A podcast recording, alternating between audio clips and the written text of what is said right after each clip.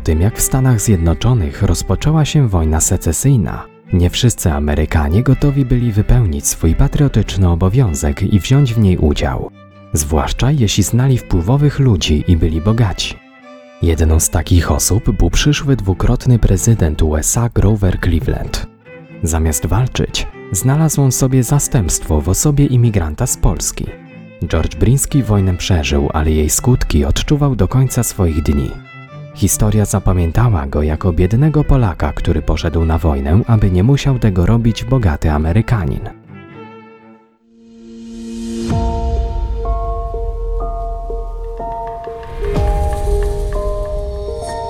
Twarze historii.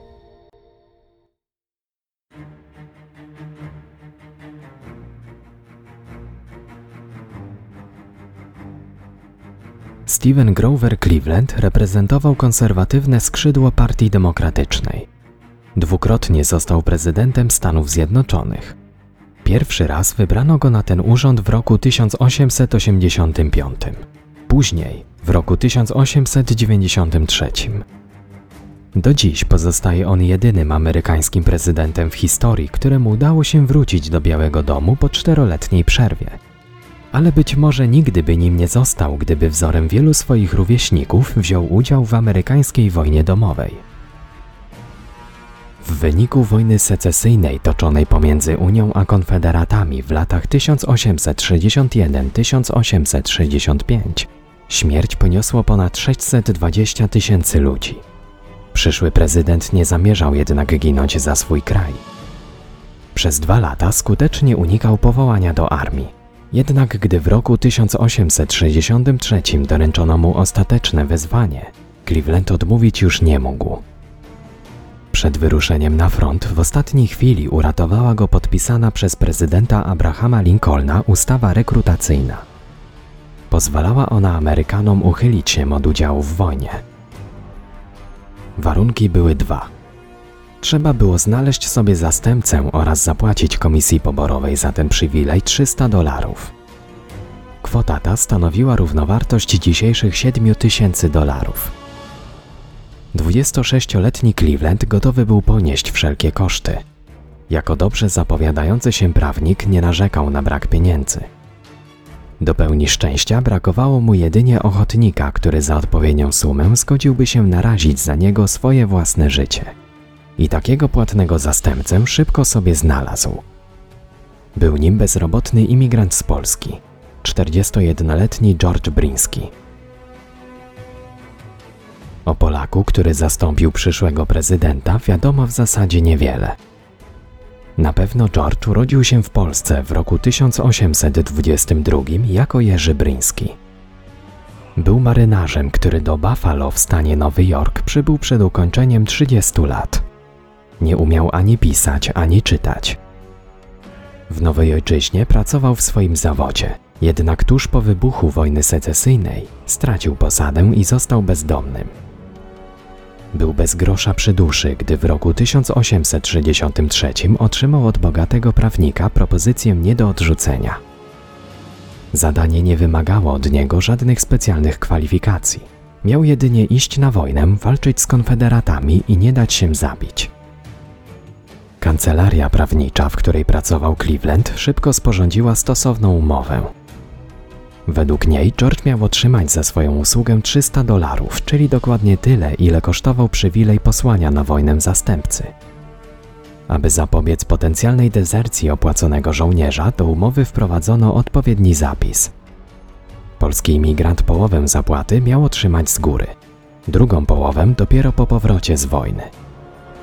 Dezercja lub śmierć skutkować miała natychmiastowym unieważnieniem umowy. Po zainkasowaniu stosownej zaliczki George zgłosił się do dowództwa wojsk Unii jako płatny zastępca. Nie było mu jednak dane wykazać się odwagą na polu bitwy. Zamiast do walki wysłano go do rozładunku wagonów z zaopatrzeniem dla armii. Podczas tego zadania nabawił się poważnego urazu kręgosłupa. Trafił do szpitala polowego, gdzie kontynuował swoją służbę jako złota rączka. Kontuzja pleców była jednak na tyle poważna, że 11 sierpnia 1865 roku George został zwolniony z armii.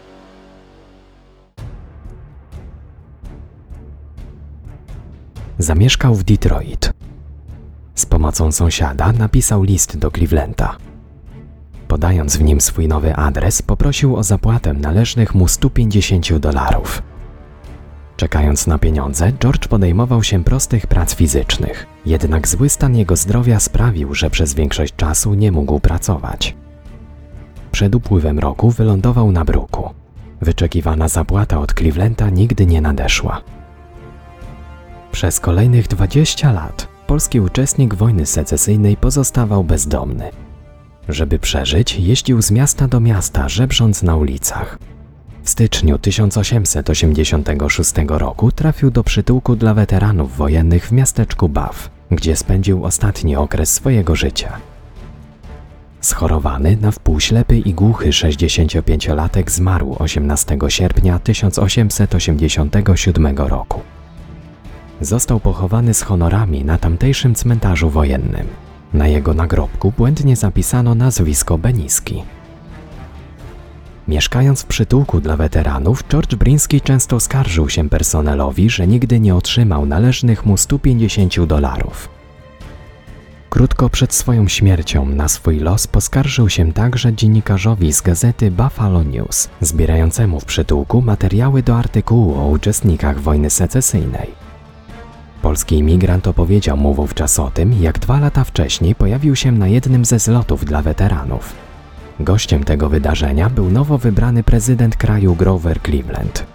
W trakcie spotkania Polak podszedł do prezydenta i nieśmiało upomniał się o zaległą zapłatę. Zaskoczony Cleveland kategorycznie zaprzeczył, że kiedykolwiek korzystał z usług płatnego zastępcy. Nie chciał nawet słyszeć o tym, że jest dłużnikiem jakiegoś bezdumnego włóczęgi. Gdy George zapytał, czy zamiast pieniędzy mógłby uzyskać chociaż stałą emeryturę, został natychmiast wyprowadzony z sali i wyrzucony na ulicę. Dziennikarz, mocno poruszony całą historią, opublikował wyznanie George'a w gazecie. Choć artykuł przeszedł wówczas bez echa, sześć lat później przypomnieli sobie o nim polityczni przeciwnicy Clevelanda. Podczas kampanii wyborczej w roku 1893 republikanie wielokrotnie wypominali mu ten haniebny czyn. Aby zachować twarz swojego kandydata, demokraci postanowili opublikować w prasie list, rzekomo własnoręcznie napisany na łożu śmierci przez George'a. Dokument ten miał zostać później znaleziony wśród rzeczy osobistych zmarłego weterana. Polak informował w nim, że Grover Cleveland nie tylko spłacił całość swojego długu, ale także wielokrotnie hojnie wspierał go finansowo. Nikt nie zwrócił wówczas uwagi na dwa bardzo istotne fakty, wskazujące wprost, że tego listu nie mógł napisać George. Po pierwsze, nie potrafił on ani pisać, ani czytać, nawet w swoim ojczystym języku. A po drugie, list kończył się datą 7 listopada 1892 roku. A więc George musiałby go napisać ponad 5 lat po swojej śmierci. Mimo wszystko plan demokratów powiódł się. Po tej publikacji krytyka ich kandydata zmalała, a Cleveland po raz drugi został wybrany na urząd prezydenta Stanów Zjednoczonych. Nie wiadomo, czy byłoby to w ogóle możliwe, gdyby osobiście wziął on udział w wojnie secesyjnej. Nie można wykluczyć, że zatrudnienie w tym celu polskiego imigranta uratowało przyszłemu amerykańskiemu prezydentowi życie. Jednak przeciwnicy wynajmowania płatnych zastępców do udziału w wojnie secesyjnej jeszcze przez wiele lat wypominali mu ten czyn, otwarcie nazywając go niegodziwym i niehonorowym. A sam konflikt, w którym wziął udział George Briński, wprost określili jako kłótnię ludzi bogatych, w trakcie której ginęli ludzie biedni.